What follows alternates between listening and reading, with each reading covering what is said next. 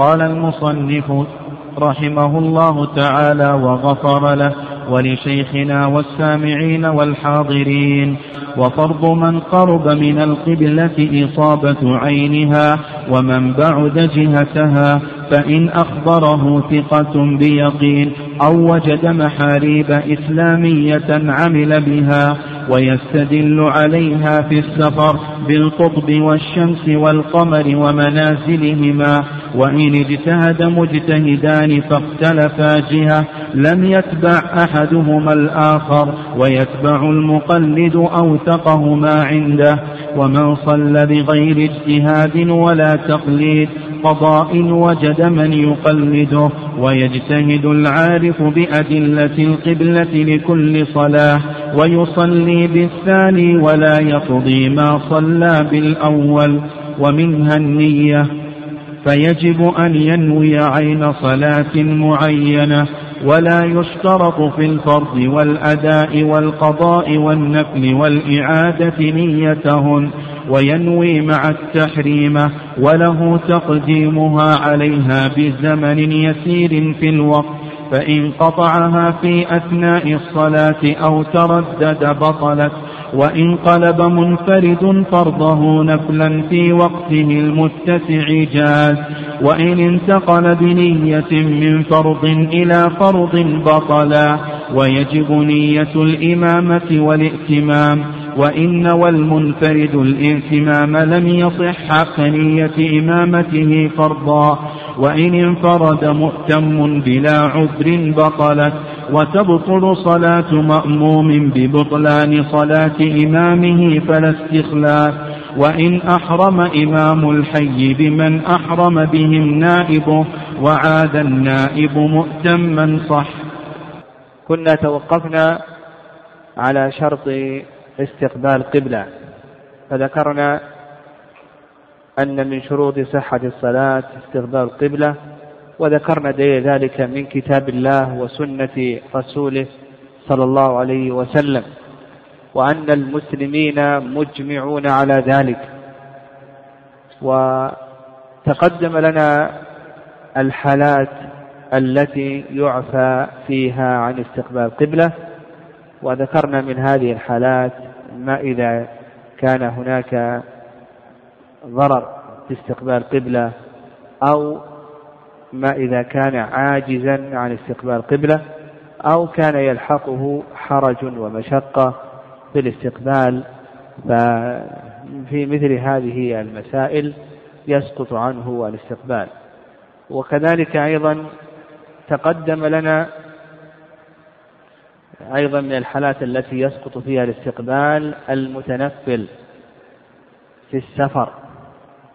المتنفل في السفر إذا كان ماشيا سواء كان راكبا أو كان راجلا. وتقدم أن المؤلف رحمه الله تعالى يرى أن المتنفل إذا كان راكبا فإنه يلزمه أن يفتتح الصلاة القبلة وذكرنا الرأي الثاني في هذه المسألة وأنه لا يلزمه أن يفتتح الصلاة إلى القبلة. والراكب هل يلزمه أن يركع وأن يسجد إلى القبلة أو لا يلزمه؟ قلنا بأن هذا لا يخلو من أمرين.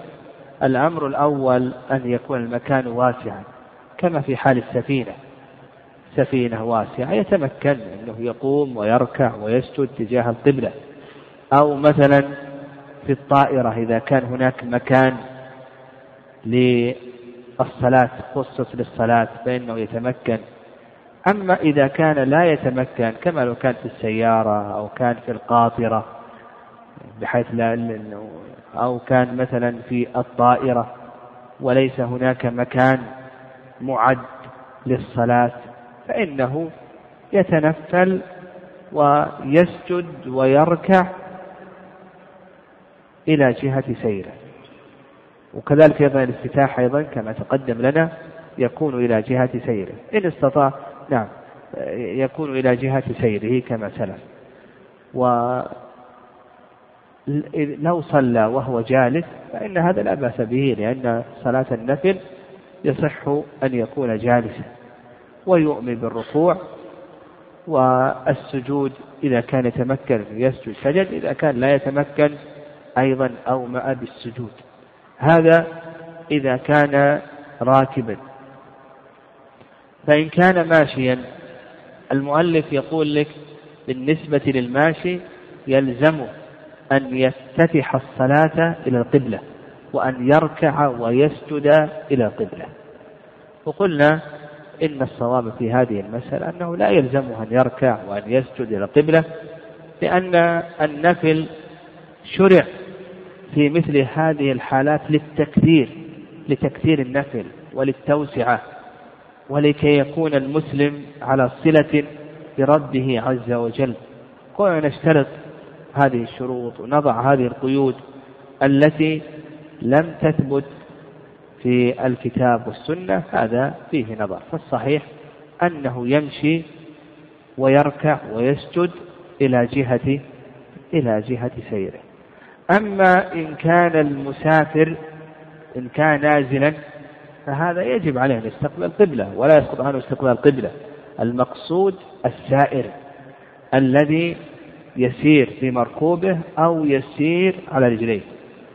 كذلك أيضا لو كان الإنسان في البلد غير مسافر يعني إذا كان إنسان في البلد غير مسافر فإنه ليس له أن يصلي على الراحلة ويترك الاستقبال إلى آخره. لكن لو كان مسافرا ثم دخل البلد مثلا سافر إلى مكة ودخل إلى البلد وهو في طريقه إلى المسجد الحرام مثلا تنفل وهو على السيارة نقول بأن هذا جائز ولا بأس به لأنه مسافر. يعني لأنه مسافر. حتى ولو كان داخل البلد ما دام أنه مسافر. لكن إذا كان لم يسافر فإنه لا يسقط عنه استقبال القبلة كما لو كان في بلده. قال المؤلف رحمه الله تعالى وفرض من قرب من القبلة إصابة عينها ومن بعد جهتها. يقول لك المؤلف رحمه الله وفرض من قرب من القبلة يعني فرض يعني يجب يجب على من قرب من القبلة الكعبة إصابة عينها. يعني إذا كنت قريبا من الكعبة يجب أن أن تصيب عين الكعبة. قالوا ولا يخرج شيء من بدن المصلي عن الكعبة. وعلى هذا لو أصبت جهة الكعبة فإن الصلاة لا تصح. مثلا هذه هي الكعبة وأنت صليت هكذا لكنك أنت تصلي إلى جهتها. ما تصلي إلى عين الكعبة. يقول هذا لا تصح الصلاة. إذا كنت قريب ضابط القرب أن تكون في المسجد الحرام. هذا ضابط القرب. فإذا كنت في المسجد الحرام لا بد أن أن تكون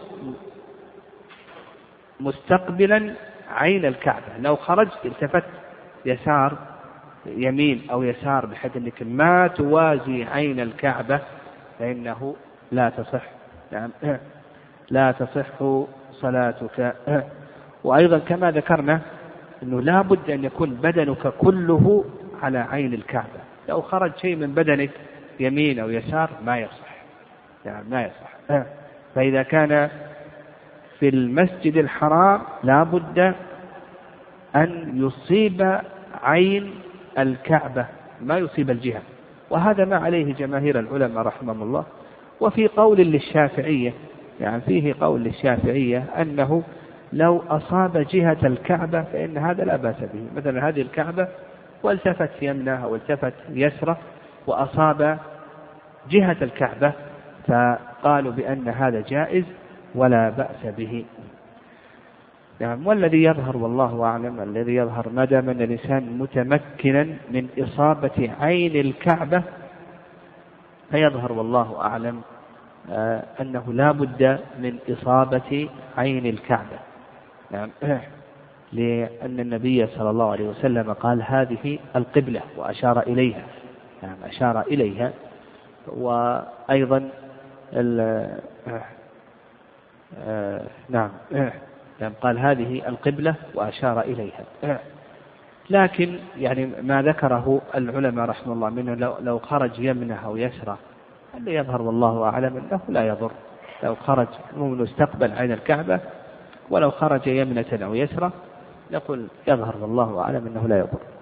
هذا القسم الأول وهو الذي يجب عليه أن يصيب عين الكعبة وهو من كان بداخل المسجد الحرام. القسم الثاني من يجب عليه استقبال جهة وهو من كان خارج المسجد الحرام حتى ولو كان في المسجد النبوي. يعني حتى ولو كان في المسجد النبوي على الصحيح فإنه يجب عليه جهة الكعبة ولا يجب عليه أن يصيب عين الكعبة.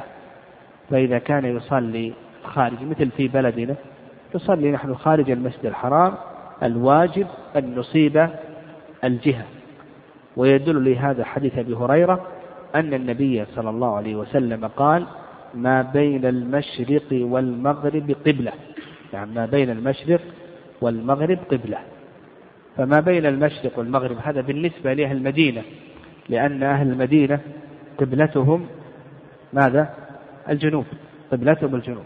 لكن بالنسبة عندنا القبلة إلى جهة الغرب نقول ما بين الشمال والجنوب قبلة.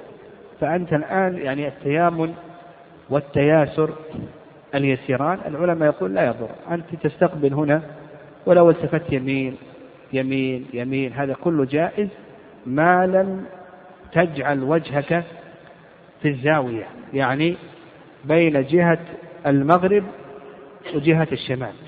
هنا نقول ليس لك ذلك إنك خرجت على جهة خرجت عن جهة المغرب فأنت ما دمت في الجهة لم تجعل شيئا من بدنك إلى الجهة الأخرى نقول بأن هذا لا يضر لأن الواجب عليك الجهة مثل أيضا اليسار اليسار ما لم تصل إلى الجهة الجنوبية ما دمت فيها في حدود هذه الجهة فهذا كله قبلة لك ودليله كما ذكرنا قول النبي صلى الله عليه وسلم ما بين المشرق والمغرب قبلة.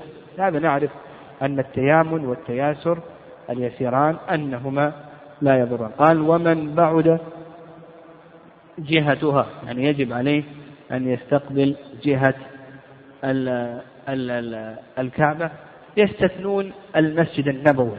المسجد النبوي يقول يجب الكعبة لأن المسجد النبوي القبلة فيه جاءت عن طريق الوحي لكن هذا الصحيح نعم الصحيح في ذلك أنه لا فرق بين المسجد النبوي وغيره من المساجد وأنه إذا كان خارج المسجد الحرام نقول الواجب عليه هو أن يستقبل جهة الكعبة الذي يجب عليه أن يصيب عين الكعبة هو من كان داخل المسجد الحرام. قال فإن أخبره ثقة بيقين. أو وجد محاريب إسلامية. هنا شرع المؤلف رحمه الله في بيان ما يستدل به على القبلة. نقول يستدل على القبلة بأمور. الأمر الأول خبر الثقة. الثقة وقال لك المؤلف رحمه الله بيقين. بيقين كان يقول رأيت الكعبة. الكعبة رأيتها هكذا. رأيت الكعبة. هذا خبر بيقين. فأنت تأخذ به. لكن لو أخبرك يعني ظاهر كلام المؤلف رحمه الله أنه لو أخبره عن اجتهاد عن ظن أخبره عن ظن أنه لا يأخذ بقوله والصحيح أنه يأخذ بقوله يعني لأن الظن معتبر في العبادات وسيأتينا إن شاء الله يعني أن يعني يأتينا إن شاء الله أن المقلد الذي ليس من أهل الاجتهاد أنه يتبع المجتهد يعني المقلد الذي لا يعرف سيأتينا من هو المقلد؟ سيأتينا من هو المجتهد؟ المهم أن المقلد يتبع المجتهد وعلى هذا الصحيح أنه إذا أخبره عن ظن أنه يأخذ بقوله. والآن كثير من الآلات الآن تستخدم الآن ظنية ما نقطع عنه قد يعني الآلة تقول لك جهة القبلة هنا قد تقول لك جهة القبلة هنا درجة كذا قد تخطئ الآلة. نعم فهذه دلالة ظنية. فالصحيح في ذلك أنه سواء كان الخبر عن طريق اليقين لو قال رأيت الكعبة أو عن طريق الظن نقول بأن هذا كله متبع لأن الظن معتبر في العبادات. قال أو وجد محاريب إسلامية عمل بها. إذا وجد المحاريب الإسلامية فإن فإنه يعمل بها. لأن اتفاق المسلمين على وجود هذه المحاريب إجماع على أن القبلة إلى هذه الجهة واتفاقهم على وضع هذا المحراب ومرور الزمن عليه. هذا إجماع منهم على أن القبلة إلى هذه إلى هذه الجهة. فنستدل بالمحاريب الإسلامية. وكلام المؤلف رحمه الله تعالى أنه لا يستدل بالمحاريب غير الإسلامية. قال محاريب إسلامية. نعم. فظاهر كلام المؤلف رحمه الله تعالى أنه لا أننا لا نستدل بالمحاريب غير الإسلامية. يستثنى من ذلك يعني العلماء رحمهم الله استثنوا من ذلك المحاريب محاريب الكفار التي نعلم قبلتهم وأنهم يتوجهون إلى أين؟ مثل النصارى. يتوجهون إلى جهة المشرق. فنحدد جهة المشرق بمحاريب بمحاريب النصارى. قال المؤلف رحمه الله تعالى ويستدل عليها في السفر بالقطب. هذا الثالث. نعم هذا الثالث. الاستدلال بالنجوم الاستدلال بالقبلة بالنجوم. وقال لك المؤلف رحمه الله تعالى في السفر. هذا نأخذ منه مسألة وهي أن الحظر ليس محل اجتهاد. الحظر ليس محل اجتهاد. لو كان هناك رجل يعرف القطب ويعرف النجوم ويعرف منازل الشمس والقمر ويتمكن من الاستدلال بهذه النجوم يتمكن من الاستدلال بالعلامات الأفقية على القبلة يقول لك المؤلف رحمه الله الحظر ليس محل الاجتهاد. الذي يكون محل اجتهاد ما هو؟ ها؟ السفر. لأنه بإمكانك الحظر أنك تنزل وتنظر المحاريب أو تسأل. يعني تنظر المحاريب أو تسأل. نعم والرأي الثاني في المسألة أن الحظر أيضا محل اجتهاد وعلى هذا لو كان الإنسان لو أن الإنسان نزل بيتا أو حل ضيفا وهو لا يعرف القبلة ثم صعد إلى السطح ويعرف النجوم وكيف يستدل بها؟ واستدل بهذه النجوم على القبلة نقول بأن هذا الاستدلال صحيح وهذا القول هو الصواب. فالصواب قول في السفر الصحيح أنه شامل للسفر والحضر قال بالقطب نعم القطب هذا يقولون بأنه نجم شمالي نجم شمالي خفي وحوله أنجم دائرة كفراشة الرحى في أحد طرفي الجدي والآخر الفرقدان. يعني القطب هذا يستدل بها ويقول لك المؤلف يعني يقولون هم هو أثبتها لأنه لا يزول عن مكانه. القطب هذا لا يزول عن مكانه فإذا جعله يعني إذا جعله على عاتقه الأيسر في مصر استقبل قبلة. إذا جعله في الشام خلف ظهره استقبل قبلة إلى آخره. المهم القطب نجم شمالي. نعم نجم شمالي. أيضا قال لك والشمس والقمر ومنازلهما أي منازل الشمس والقمر. نعم لأن هذه تطلع من المشرق وتغرب بالمغرب.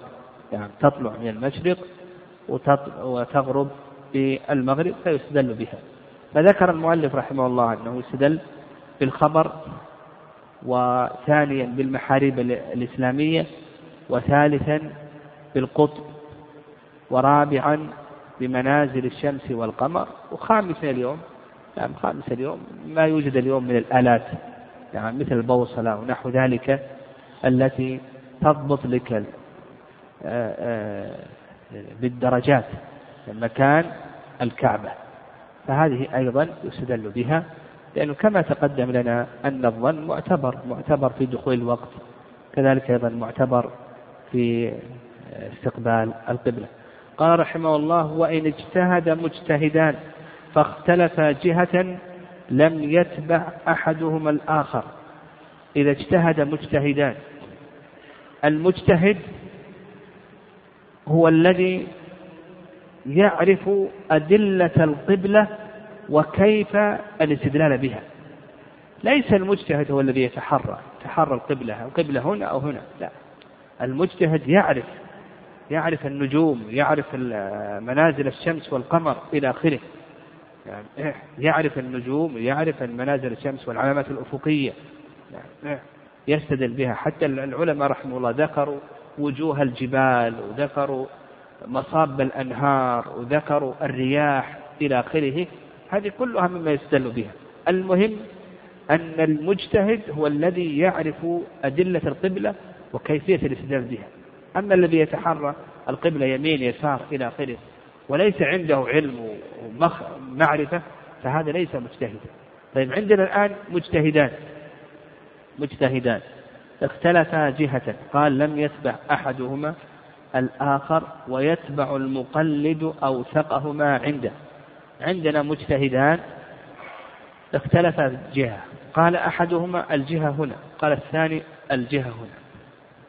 وعندنا مسألتان عندنا مسألتان. المسألة الأولى الاتباع والمسألة الثانية التقليد. يعني المسألة الأولى الاتباع والمسألة الثانية الاقتداء الاقتداء. فيقول لك إذا اختلف جهة لم يتبع أحدهما الآخر كل يأخذ باجتهاده. أن ترى أن هذه هي جهة القبلة. خلاص تعتبر أن هذه جهة القبلة. وهذا يرى أن هذه جهة القبلة هذه هي جهة القبلة. وش يترتب على هذا؟ قال لك ما يتبع أحدهما الآخر أنا اجتهد وهذه جهة القبلة. خلاص هذه جهة القبلة. إذا عند قضاء الحاجة ما توجه إلى هذه الجهة لكن يجوز لي أن أتوجه إلى هذه الجهة. وهو عند قضاء الحاجة ما يجوز له أن يتوجه إلى هذه الجهة يتوجه إلى هذه الجهة. عند الدعاء مثلا إلى آخره أشياء كثيرة. يعني فعندك قال لك ما يتبع أحدهما الآخر. كل يأخذ بأي شيء في اجتهاده كل يأخذ ويطبق أحكام القبلة. هذه مسألة. المسألة الثانية الاقتداء. طيب جاءت الصلاة الآن. أنا أصلي إلى هنا وهو سيصلي إلى هنا. هل يقتدي أحدهما بالآخر؟ هل له أن يصلي معي؟ مع أنه يخالفني في القبلة. أو أنه لا يصلي معي. يقول لك المؤلف رحمه الله حتى في الاقتداء ما يتبع أحدهما الآخر في الاقتداء. هذا يصلي إلى هذه الجهة وهذا يصلي إلى هذه الجهة. هذا المشهور من المذهب. والرأي الثاني يعني الرأي الثاني وبه قال الشافعي. يعني الرأي الثاني به قال أبو ثور. يعني المذهب أو مذهب الشافعي كمذهب الحنابلة. الرأي الثاني قال به أبو ثور رحمه الله تعالى أنه يقتدي به يعني أنه يقتدي به لأنه يعتقد نعم لأنه يعتقد صوابه لأنه مجتهد يعني مجتهد. فهو يعتقد أنه على حق. فإذا كان كذلك فنقول يقتدي أحدهما بالآخر. فما دام أنه يعتقد أنه على حق نقول بأنه يقتدي أحدهما بالآخر كما لو أكل شافعي لحم جزور فإنه يجوز للحنبلي أن يصلي خلفه مع أن الحنبلي يعتقد أن صلاته غير صحيحة يعني على مذهبه أن صلاته غير صحيحة. لكن على مذهب الشافعية يرون أن الصلاة صحيحة لأنهم يرون أن أكل لحم الجزور ليس ناقضا للوضوء. فعندنا مسألة الاتباع تختلف عن مسألة الاقتداء. الصحيح في الاقتداء أن أحدهما له أن يقتدي بالآخر مع أننا نقول أيضا بوجوب صلاة الجماعة وكيف يصلون جماعة وهذا إلى جهة وهذا إلى جهة أخرى. قال رحمه الله تعالى ويتبع المقلد أوثقه ما عنده. المقلد الذي لا يعرف أدلة القبلة وكيف الاستدلال بها هذا مقلد. يتبع أوثقهما أوثقهما في معرفة أدلة القبلة يعني في الخبرة في أدلة القبلة وكيف الاستدلال بها وكذلك أيضا في يعني في العلم والأمانة إن خير من استأجرت القوي الأمين القوة الخبرة في معرفة الأدلة وكيفية الاستدلال بها وأيضا كونه مؤتمن على ذلك. فهذا هذا هو الثقة يتبع وثقهما فإذا كان هناك شخص لا يعرف الأدلة ولا كيفية الاستدلال بها واختلف فإنه إذا كان يرى أن أن زيدا أوثق يأخذ بقول زيد ويعتبر أن هذه القبلة ويطبق عليها أحكام القبلة. قال ومن صلى بغير اجتهاد ولا تقليد قضى إن وجد من يقلده. يعني هذا إنسان إنسان لا يتمكن من الاجتهاد لكونه لا يعرف أدلة القبلة وكيف الاستدلال بها وليس هناك مجتهد يقلده. طيب ماذا يعمل؟ نقول اسأل. نقول اسأل. اسأل أهل البلد. اسأل المارة إلى آخره. انظر إلى المساجد. اذهب إلى المساجد إلى آخره. هذا إذا كانت قريبة عرفا. إذا كانت قريبة عرفا منه. أما إن كانت بعيدة عرفا فحيثما كنتم فولوا وجوهكم شطرة يتحرى ويصلي. فإذا كان في السفر في الصحراء نقول إن كان من أهل الاجتهاد يجتهد. ليس من أهل الاجتهاد نقول يقلد إن وجد أحدا يقلده. ما وجد. نقول يسأل يجب عليه أن يقصد الناس والمساجد وينظر إلى المحاريب. متى هذا يجب؟ ها؟ إذا كان قريبا عرفا. أما إن كان بعيدا عرفا فإنه يصلي بعد أن يتحرى نعم وحيثما كنتم فولوا وجوهكم شطرا هذه المسألة هذا رجل صلى بغير اجتهاد ولا تقليد وهو يجد من يقلده. يعني يجد من يقلده لكنه صلى. ليس من أهل الاجتهاد ومن أهل التقليد ويجد من يقلده. فيقول لك المؤلف رحمه الله تعالى يقضي صلاته لأنه ترك الواجب عليه وهو التقليد. ما دام أنه ترك الواجب عليه وهو التقليد. ظاهر كلام المؤلف رحمه الله أنه يقضي الصلاة ولو أصاب القبلة. لو بعد أن انتهت الصلاة تبين أنه أصاب إلى جهة القبلة. وعلى هذا نقول الأقسام ثلاثة. القسم الأول القسم الأول أن يعلم أنه أخطأ. فنقول يجب عليه أن يعيد لأنه ترك الواجب وهو أن يقلد هذا المجتهد. الحالة الثانية أن يعلم أنه أصاب. فهذا عن المذهب يجب عليه ماذا؟ يجب عليه أن يقضي لأنه ترك ما يجب عليه من التقليد. الحالة الثالثة ألا يتبين له الأمر. نقول الحالة الثالثة ألا يتبين له الأمر. فهذا المذهب أنه ماذا؟ أنه يجب عليه أن يقضي من باب أولى. والصواب في ذلك نعم وهو الصواب نعم وهو الصواب. وعلى هذا نقول لا يجب عليه القضاء إلا إذا أصاب. أما إن أخطأ أو لم يتبين له الأمر فنقول يجب عليه أن يعيد لأنه ترك الواجب. قال ويجتهد العارف بأدلة القبلة لكل صلاة. هذا المجتهد هل يجب عليه أن يجتهد لكل صلاة أو يكفي الاجتهاد الأول؟ يعني هذا مثلا في الصحراء ويعرف الأدلة واجتهد تبين أن هذه القبلة. طيب جاء وقت العشاء هل يجتهد مرة أخرى؟ يقول لك المؤلف رحمه الله يجتهد مرة أخرى. لأن لأن الصلاة الثانية واقعة متجددة فتستدعي طلبا جديدا. يقولون الصلاة الثانية واقعة متجددة فتستدعي طلبا جديدا. والرأي الثاني الرأي الثاني أنه لا يجب عليه أن يجتهد مرة أخرى ما لم يوجد سبب يقتضي ذلك. فإذا وجد سبب يقتضي ذلك كما لو شك حصل عنده شك أو جاءه شخص قال ليست هذه القبلة ونحو ذلك إلى آخره وأحدث في قلبه شيئا فنقول هنا يجب عليه يعني يجب عليه في هذه الحالة أن يعيد الاجتهاد مرة أخرى. أما إذا لم يحصل شيء من ذلك فإنه لا يجب عليه. قال ولا يقضي ما صلى بالأول لأن الاجتهاد لا ينقض بالاجتهاد اجتهد ثم بعد ذلك تبين أنه أن هذه القبلة. ثم بعد ذلك شك واجتهد فتبين أن هذه القبلة. نقول الصلاة الأولى التي صلاها القبلة الأولى صحيحة لأن لأنه خرج من العهدة بامتثال الأمر وما ترتب على المأذون غير مضمون والاجتهاد لا ينقض بمثله. قال المؤلف رحمه الله تعالى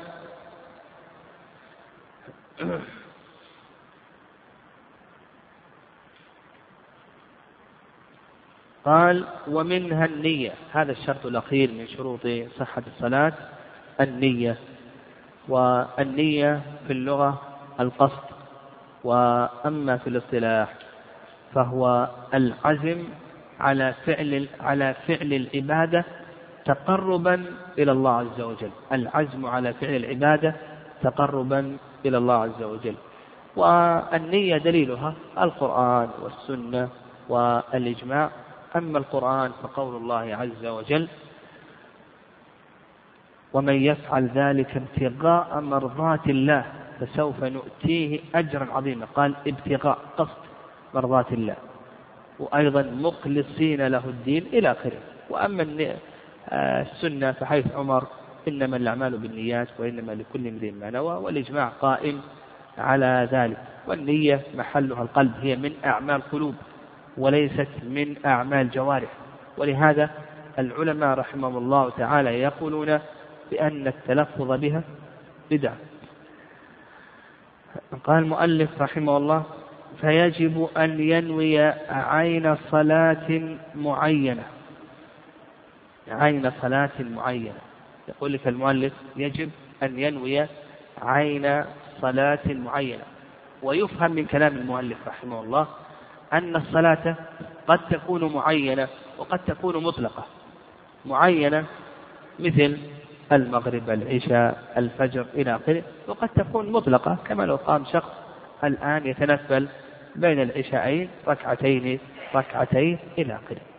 فإذا كانت معينة نعم والمعينة هي الفريضة أو النافلة التي قيدت بزمان أو مكان أو حال. هذه هي المعينة.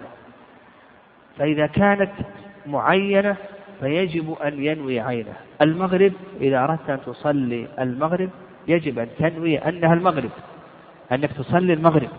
وإذا أردت أن, أن, أن تصلي العشاء فيجب عليك أن تنوي أنها العشاء.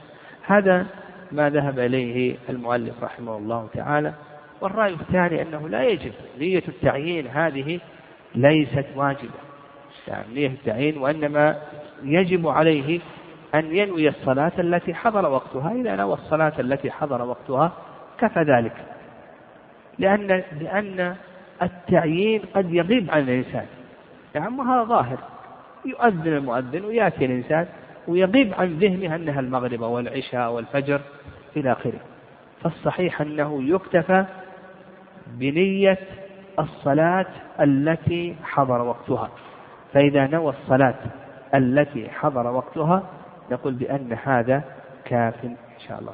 قال ولا يشترط في الفرض والأداء والقضاء والنفل والإعادة نيتهن. لا يشترط في الفرض. يعني لا يشترط أن تنوي في الفريضة نية الفرضية. كذلك أيضا لا يشترط الأداء.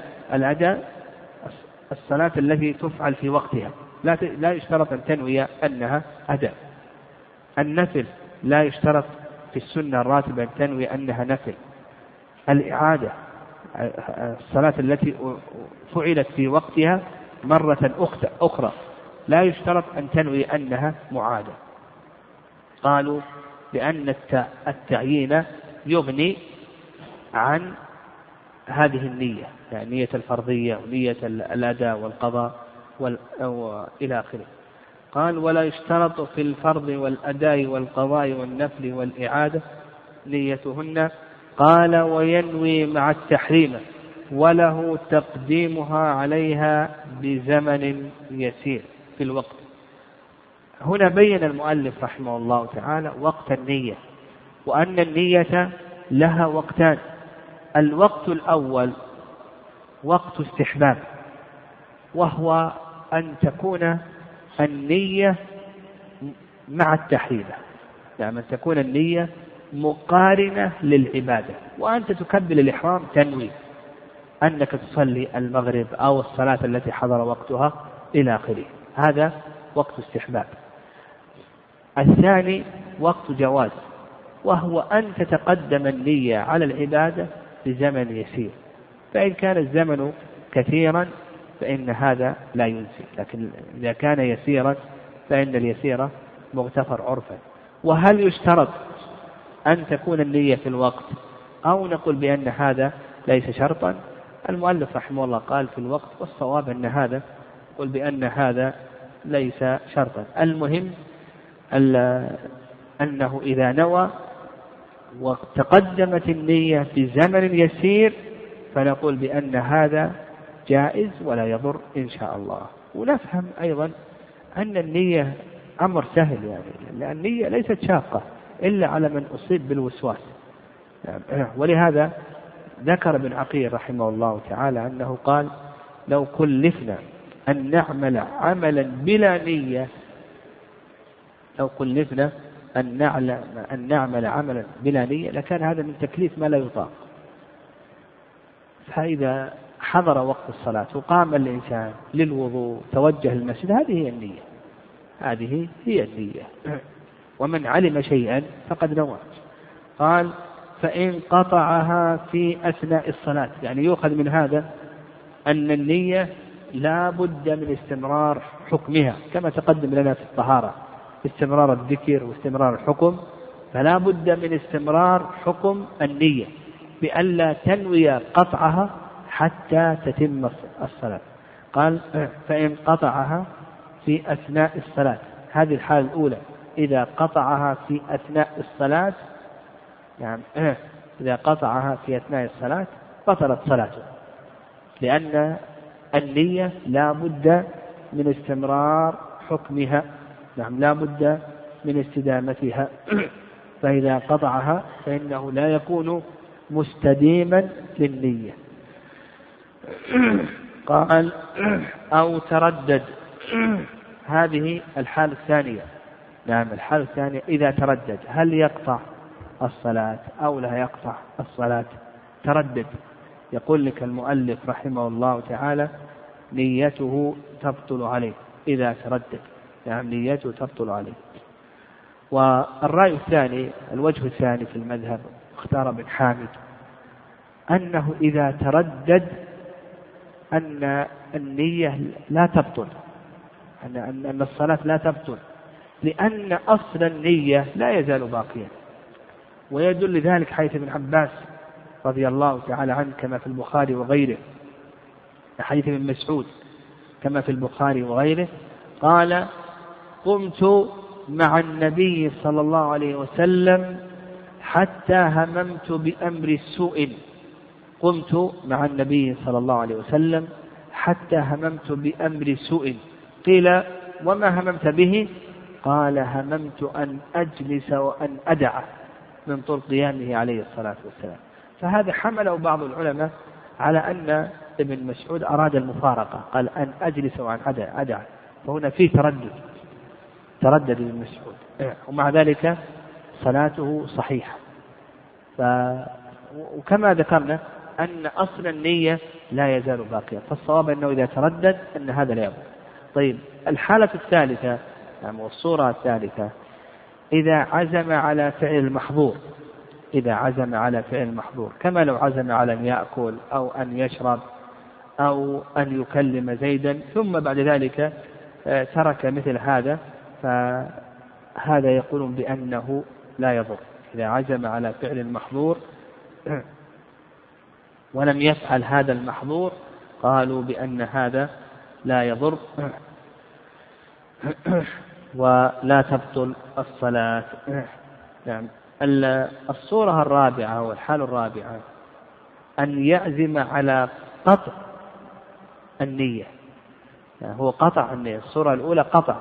والصورة الثانية تردد.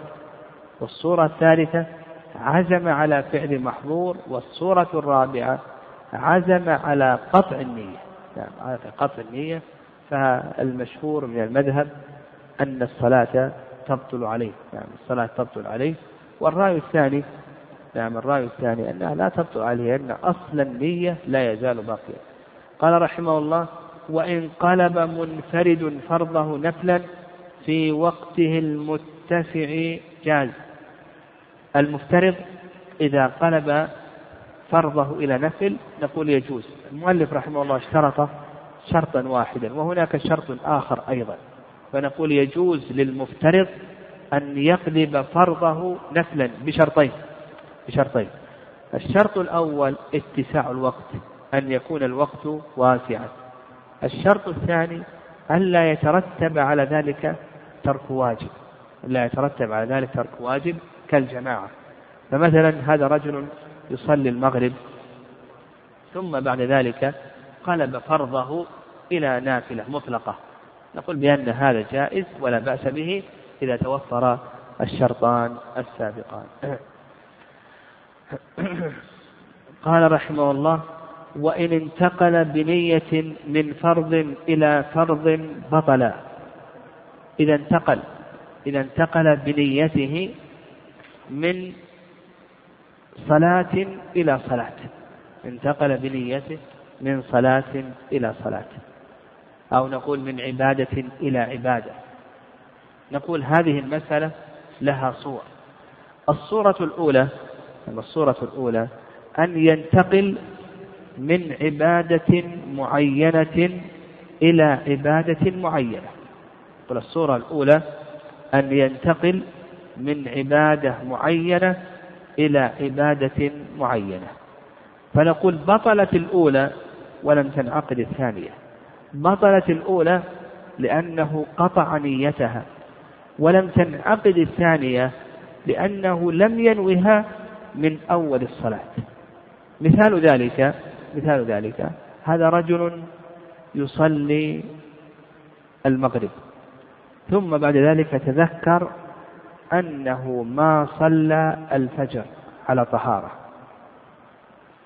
فنوى بعد أن أحرم نوى أنها صلاة الفجر. الآن بطلت المغرب لأنه قطع نيتها. ولم تنعقد صلاة الفجر لأنه لم ينوها من أول الصلاة. فإذا انتقل من معين لمعين والمعين كما تقدم ذكرنا هو الفرض أو النفل المقيد بزمان أو مكان أو حال. بزمان أو مكان أو حال. أيضا يصلي المغرب ثم تذكر أنه ما صلى سنة الفجر فانتقل إلى سنة الفجر. نقول بطل المغرب ولم تنعقد سنة الفجر. الحالة الثانية والصورة الثانية أن ينتقل من معين إلى مطلق. فهذا جائز ولا بأس به. يصلي المغرب ثم انتقل إلى نفل مطلق أو يصلي السنة الراتبة للمغرب ثم انتقل إلى نفل مطلق. وهذا تقدم منه إذا قلب الفرض نفلا أنه يصح بهذا بشرطين. نعم بشرطين. الصورة الثالثة وهذه الصورة صحيحة لأن الفرض مشتمل على نية الصلاة. يعني الفرض اشتمل على على نيتين. نية الفريضة ونية الصلاة. وهو أبطل نية الفريضة بقيت نية الصلاة. الصورة الثالثة أن ينتقل من مع... من مطلق إلى معين. من مطلق إلى معين. يعني هذا الرجل شرع يصلي نافلة تطوع لله عز وجل بين العشاءين ثم ذكر أنه ما صلى السنة الراتبة. فانتقل بنيته إلى معين إلى السنة الراتبة. نقول هذا الانتقال لا يصح. والذي يظهر والله أعلم أنه يبقى على إطلاقه وصلاته تكون صحيحة. قال رحمه الله ويجب نية الإمامة والائتمام. يعني يقول لك المؤلف رحمه الله تجب نية الإمامة والائتمام. نية الإمامة والائتمام هل تجب أو لا تجب؟ نقول تجب نية الإمامة والائتمام في ابتداء الصلاة. في ابتداء الصلاة. يعني عندما نريد أن نشرع في الصلاة. أو نقول أحسن نقول بأن هذه المسألة تنقسم إلى قسمين. القسم الأول نية الإمامة والائتمام في ابتداء الصلاة والقسم الثاني نية الإمامة والائتمام في أثناء الصلاة يعني في أثناء الصلاة. أما القسم الأول وهي نية الإمامة والائتمام في أثناء في ابتداء الصلاة. فالمشهور من المذهب أن هذا واجب يعني أن هذا واجب يعني يجب من أول الصلاة. نعم يجب من أول الصلاة أن ينوي الإمام أنه إمام. في أول الصلاة يجب أن الإمام أنه ينوي أنه إمام. والمأموم ينوي أنه ماذا؟ ها؟ أنه مأموم. يعني يجب في أول الصلاة أن ينوي الإمام أنه إمام والمأموم ينوي أنه مأموم. والرأي الثاني رأي الحنفية. والشافعية. الشافعية هم أحسن الناس في هذه المسألة فيما يتعلق بنية الإمامة والائتمام إلى آخره. يعني الشافعية هم أحسن الناس في هذه المسألة. الرأي الثاني أن نية الإمام والائتمام غير واجبة. هذا مذهب الشافعية والحنفية إلا أن الحنفية رحمهم الله يستثنون النساء. نعم الحنفية يستثنون النساء. يقولون لا بد للحنفية أن ينوين نعم. أن ينوين إمامة هذا الرجل لهن يعني إتمامهن بهذا الرجل. وأيضا المالكية يقولون لا يجب إلا في أربع صور إلى آخره. والصواب في ذلك أن نية الإمامة والائتمام في أثناء في ابتداء الصلاة نقول الصواب في ذلك أنها ليست لازمة. ليست واجبة. وعلى هذا لو نوى أنه مأموم يصح أن يكون إماما. ولو نوى أنه إمام صح أن يكون مأموما.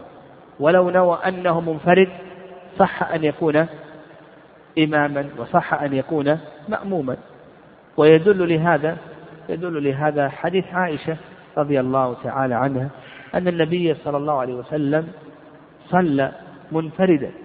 يعني صلى في حجرته منفردا فصلى بصلاته رجال صلى بصلاته رجال من الصحابة رضي الله تعالى عنهم في الصحيحين. والنبي صلى الله عليه وسلم ما نوى الإمامة. ومثل ذلك أيضا حديث ابن عباس لما بات عند النبي صلى الله عليه وسلم في بيت خالته ميمونة قام النبي صلى الله عليه وسلم يصلي من الليل.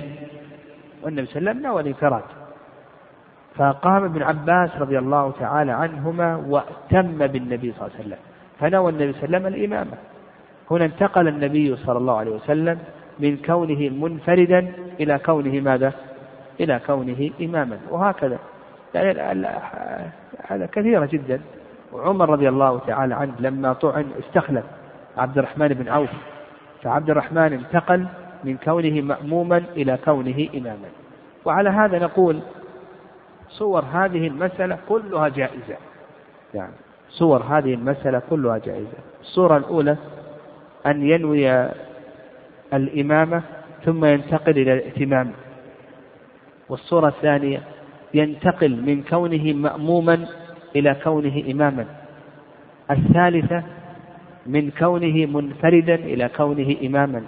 الرابعة من كونه منفردا إلى كونه مأموما. الخامسة يكون من إماما ثم ينتقل إلى كونه منفردا. السادسة يكون مأموما ثم ينتقل إلى كونه منفردا. فهذه الصور كلها جائزة. فلو شرع شخص يصلي منفردا ثم جاء شخص واهتم به بجانبه ونوى المنفرد أنه إمام وهذا يكون مأموما صح ذلك. أو كان يصلي منفردا ثم جاءت جماعة وشرعوا. ثم لحق بهم وأتم بهم فإن هذا يصح ويكون انتقل من كونه منفردا إلى كونه مأموما. المهم هذه الصور الست هذه كلها جائزة كما هو رأي الشافعية رحمهم الله اختيار السعدي رحمه الله تعالى. قال رحمه الله تعالى طيب وأما في أثناء الصلاة فأيضا هذا جائز من باب أولى. يعني الانتقالات يعني هذه الانتقالات أيضا في أثناء الصلاة أيضا نقول بأنها جائزة من باب أولى. قال وإن نوى المنفرد الائتمام لم تصح كنية إمامته فرضا. وهذا كما تقدم لنا أنهم يشترطون نية الإمامة والائتمام في ابتداء الصلاة. فإذا نوى المنفرد الائتمام يقول لك ما يصح. هذا يصلي منفردا ثم جاءه ناس يصلون ونوى أن يأتم بهم يقول لك المؤلف لا يصح. أيضا قال كنيته إمام كنية إمامته فرضا. نعم. يعني هذا يصلي منفردا ثم بعد ذلك جاء شخص واقتدى به ونوى هذا المنفرد أنه إمام والذي اقتدى به يكون مأموما. يقول لك المؤلف رحمه الله لا يصح. وقال المؤلف رحمه الله فرضا يؤخذ من كلامه أن هذا يصح في النفل. يعني لو قام رجل يصلي من الليل ثم جاءت زوجته ووقفت خلفه تأتم به ثم نوى أنه يكون إماما. فعلى كلام المؤلف رحمه الله تعالى أن هذا يصح. وهذه المسألة مما خالف فيها صاحب الزاد المذهب. المذهب لا يصح لا في الفرض ولا في النفل. يعني المذهب لا يصح لا في فرض ولا في النفل لأنه لم ينوي في الابتداء. كما ذكرنا أنهم يقولون لا بد أن ينوي في أي شيء. نعم ينوي في الابتداء.